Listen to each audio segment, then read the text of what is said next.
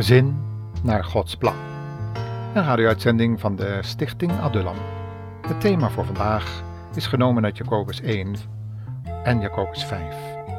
Iets over geduld. Geduld? Dat moet je leren.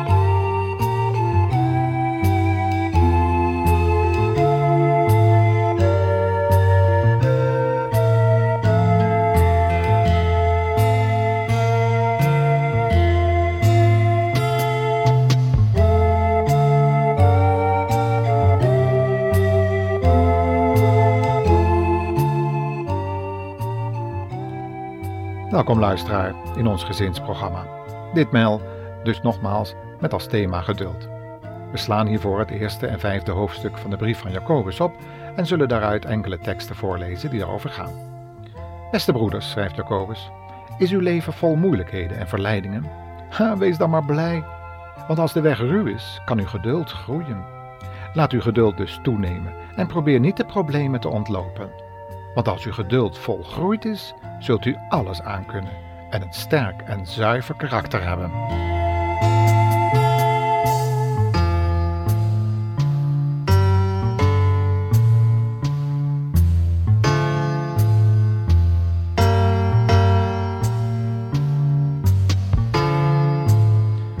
In ons vorige programma hebben we gehoord hoe we door het vertrouwen op Gods leiding en liefde verlost kunnen worden van een bezwaard hart. Nu staan we voor het feit en dat we allemaal kennen: een leven vol moeilijkheden, valkuilen en klemmen. Dat maakt soms moedeloos, nietwaar?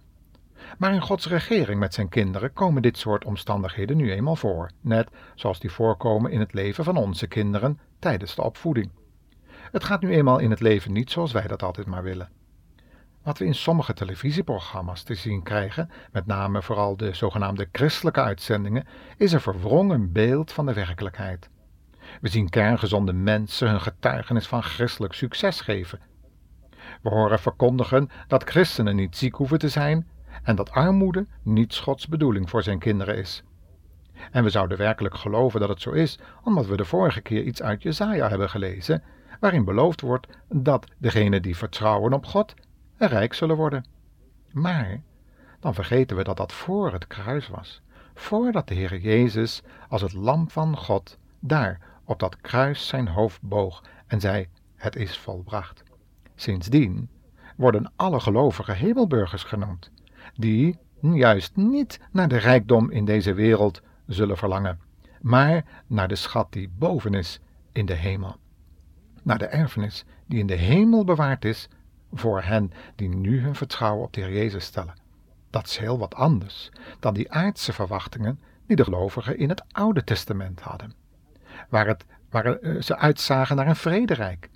Ja, dat komt, duizend jaar lang, maar dan is het wel het einde van de wereldgeschiedenis. Want als de Heer Jezus dan terugkomt, is Hij als de rechter van hemel en aarde daar aanwezig. En in dat vrederijk daar zal geen plaats zijn voor zondige activiteiten, zoals dat nu gebeurt. Paulus die zegt in 2 Korinthe 4 vers 7 tot 11 ook iets over die kostbare schat. Hij zegt, deze kostbare schat hebben we in kwetsbaar aardewerk, ons lichaam.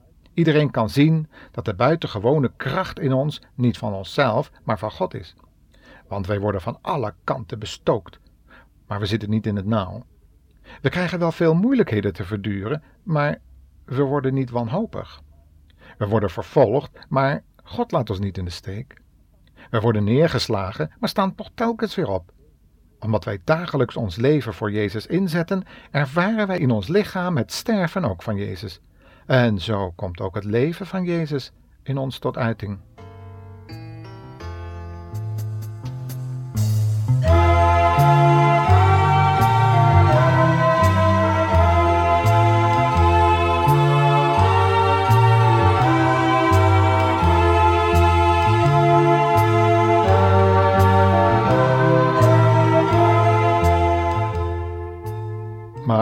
Is nog maar niet zo klaar met deze ontboezeming. Hij zegt in 2 Korinthe 12 vers 10 nog meer. Hij gaat nog veel verder dan wij over het algemeen doen. Hij zegt, ik kan zelfs blij zijn over al die zwakheden die ik ervaar. Al die beledigingen en noodsituaties, vervolgingen en moeilijkheden, die ik allemaal ter wille van Christus moet verdragen? Daar ben ik blij om, want als ik zwak ben, ben ik pas sterk. God heeft mij gezegd, het geheim, zegt hij na de hand in die brief. Mijn zwakheid, dat is Gods kracht, want die wordt in mijn zwakheid volbracht. Daarom is Paulus blij. Wanneer we daarover lezen, dan begrijpen we eigenlijk beter wat Jacobus bedoelde met zijn oproep om blij te zijn als we veel beproevingen moesten ondergaan. Soms worden die twee apostels tegenover elkaar uitgespeeld. De een zou de nadruk leggen op goede werken en de ander zou de nadruk leggen op geloof. En eigenlijk is dat ook wel zo. Maar toch, als we de brieven goed lezen, dan komt er een evenwicht. Want het geloof zonder de werken is dood. En dat bedoelde Paulus ook toen hij zei dat het geloof van Abraham hem tot gerechtigheid werd gerekend toen hij zijn eigen zoon wilde offeren. Toen hij zijn leven ervoor over had. Want dat was in die dagen zeker in je nageslacht te vinden. Dat was je pensioen tenslotte. En degene die je erfenis zou overhevelen. Ja, dat is nogal een verschil met tegenwoordig. Je leven over hebben voor een zaak, dat gebeurt nog wel eens. Maar je eigen ik op het altaar leggen, dat gaat verder. Paulus die heeft het over geloof oefenen. Hij schrijft erover, ook aan de Corinthiërs, dat we dezelfde geest van geloof hebben, waardoor zij konden getuigen van de opstandingskracht van de Heer Jezus, die in hen woonde. Dat lezen we in 2 Korinthe 4, vers 13, waar Paulus juist schreef over de beproevingen die gelovigen dikwijls moeten ondergaan. Ja, we hebben inderdaad beproevingen nodig, zoals goud door het vuur gelouterd moet worden om een hoogwaardig gehalte te hebben. Gelovigen worden dan ook met dit elementaal vergeleken. In 2 Timotheus 2 vers 20 wordt in deze brief van Paulus het duidelijk gezegd. Gelovigen worden onderscheiden van schijngelovigen doordat gelovigen met het edele metaal goud en zilver worden vergeleken en de schijngelovigen met houten en aardevaten, die weliswaar wel in het huis van God zijn, maar na de hand door de beproevingen vastlopen, ja, verbrand worden. Deze voorwerpen kunnen de vuurproef van ellende dus niet doorstaan en gaan dan uiteindelijk verloren omdat er geen leven uit God in hen was. Alleen maar op de lippen. Jezaja zegt ervan ook iets in zijn boek, hoofdstuk 29. Vers 13, er zegt Jezaja, omdat dit volk mij nadert met de mond en zij mij met hun lippen eren, maar ondertussen doen zij hun hart verre van mij. En hun vrezen waarmee ze mij vereren, dat zijn alleen maar mensengeboden vormen die hun geleerd zijn.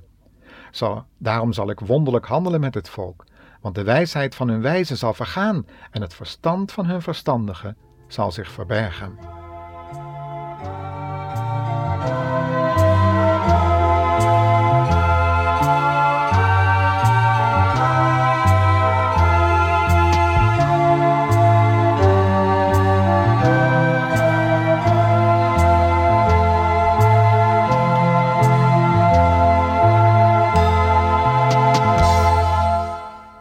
En dat is nu precies wat er aan de hand is als we om ons heen kijken.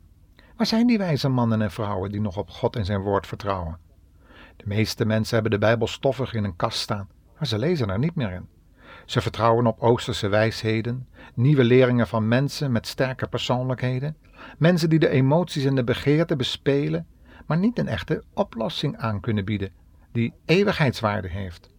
Uiterlijk doen ze nog mee met het kerkelijk gebeuren, maar als het moeilijk wordt, roepen ze God ter verantwoording om wat Hij heeft toegelaten in hun leven en raken zo hun geloofsvertrouwen kwijt. Meestal worden het kritische mensen die hun vroegere medechristenen beschimpen of belachelijk maken. Jacobus zegt in zijn brief, hoofdstuk 2, vers 14, hier terecht het volgende van: Broeders, wat voor zin heeft het om te zeggen en dat u een christen bent als dat niet blijkt uit wat u voor anderen doet? Kunt u door zo'n geloof gered worden? En dan gaat hij in hoofdstuk 5 verder met de rijken van deze tegenwoordige tijd. Hij wijst hen op het betrekkelijke van hun rijkdom, hoe snel dat wel kan verdwijnen en hoe krachteloos het is als we in moeilijke omstandigheden terechtkomen. Omstandigheden die een beroep op de echtheid van ons geloof doen. Oprechte christenen die geleerd hebben op de Heer Jezus te vertrouwen, ook als het moeilijk wordt en het levenspad met doornen lijkt geplaveid, krijgen dan een speciale oefening, waardoor ze leren geduldig te wachten op de hulp van een barmhartige hoge priester, onze Heer Jezus, die hulp geeft op de juiste tijd. Leest u het maar eens na in Hebreeën 4, vers 14 tot 16. Juist in moeilijke omstandigheden hebben we de neiging om op elkaar te vitten en de schuld te zoeken in de omstandigheden, bij mensen, bij de overheid of zelfs bij God zelf. Maar, zouden zeggen, houd u daar maar mee op. Zoek de schuld alleen maar bij uzelf. En zoek hulp bij de barmhartige hoge priester.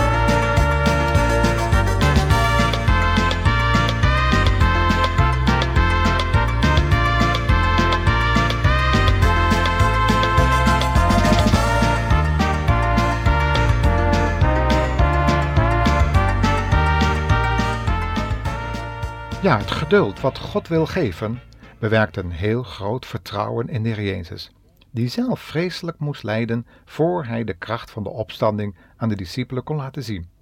Juist doordat onze hemelse hoge priester ons hierin is voorgegaan, kan onze hoop en geloofsvertrouwen versterkt worden, waardoor ons geduld groeit. Jacobus houdt het ons voor in Jacobus 5, vers 7 tot 11. Laten we het nog eens lezen en ook daarmee dit programma beëindigen. Broeders, wacht geduldig tot de Heere terugkomt, zoals een boer tot de herfst wacht om zijn oogst binnen te halen. Wees dus geduldig en houd moed, want het duurt niet lang meer voordat de Heere komt. Mopper daarom niet over elkaar, broeders. Is er op uzelf dan niets aan te merken? Ik wil u er nog eens op wijzen dat de Heere er aankomt, opdat u niet veroordeeld wordt. Neem een voorbeeld aan de profeten die namens de Heere hebben gesproken. Als zij slecht behandeld werden, lieten ze het over hun kant gaan. Wij noemen hen gelukkig omdat ze dwars door alles heen de Heere trouw gebleven zijn. Denk maar eens aan Job, die niet opgaf. U weet wel hoe het met hem afliep.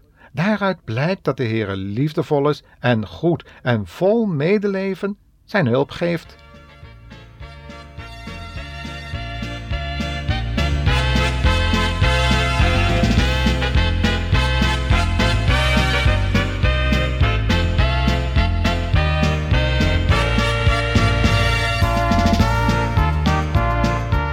Mogen de Heere daarom uw luisteraar zijn hulp spoedig geven, want hij wacht op uw hulpgeroep en eerbetoon. Hij kan niet helpen als u blijft mopperen op alles om u heen. Maar wanneer u daarmee ophoudt en u vernedert door u onder zijn handen te buigen en zijn hulp af te smeken, dan komt zijn kracht ook u te hulp. Dat belooft de Heer Jezus ook vandaag. Misschien wilt u wel doorspreken over dit onderwerp. Schrijft u dan maar naar onze stichting Adullam, postbus 3504 en het bestuur zal u graag willen helpen, zover als dat in ons vermogen ligt. In ieder geval kunnen we samen bidden. Of bel de Goed Nieuwslijn 689590, eveneens in Curaçao dus. God zegen u juist in uw moeilijke omstandigheden, want Hij wil alles doen meewerken ten goede, als u maar op Zijn erbarming blijft hopen en gelooft dat God niets uit de hand kan lopen. Een doel heeft Hij, juist met uw huidige druk. U bent goud wat beproefd wordt, gelouterd totdat u rijp bent voor het paradijs of de hemel en het vaderhuis, waar de Heer Jezus ook u wil opwachten met een heel nieuw lichaam, dat precies bij uw persoonlijkheid past. Dan ontvangt u een nieuwe naam, die niemand kent dan uzelf, en uw heiland, die precies weet wat u nodig heeft en u kent, en u ook naar zijn beeld zal hervormen. God geven u vrede.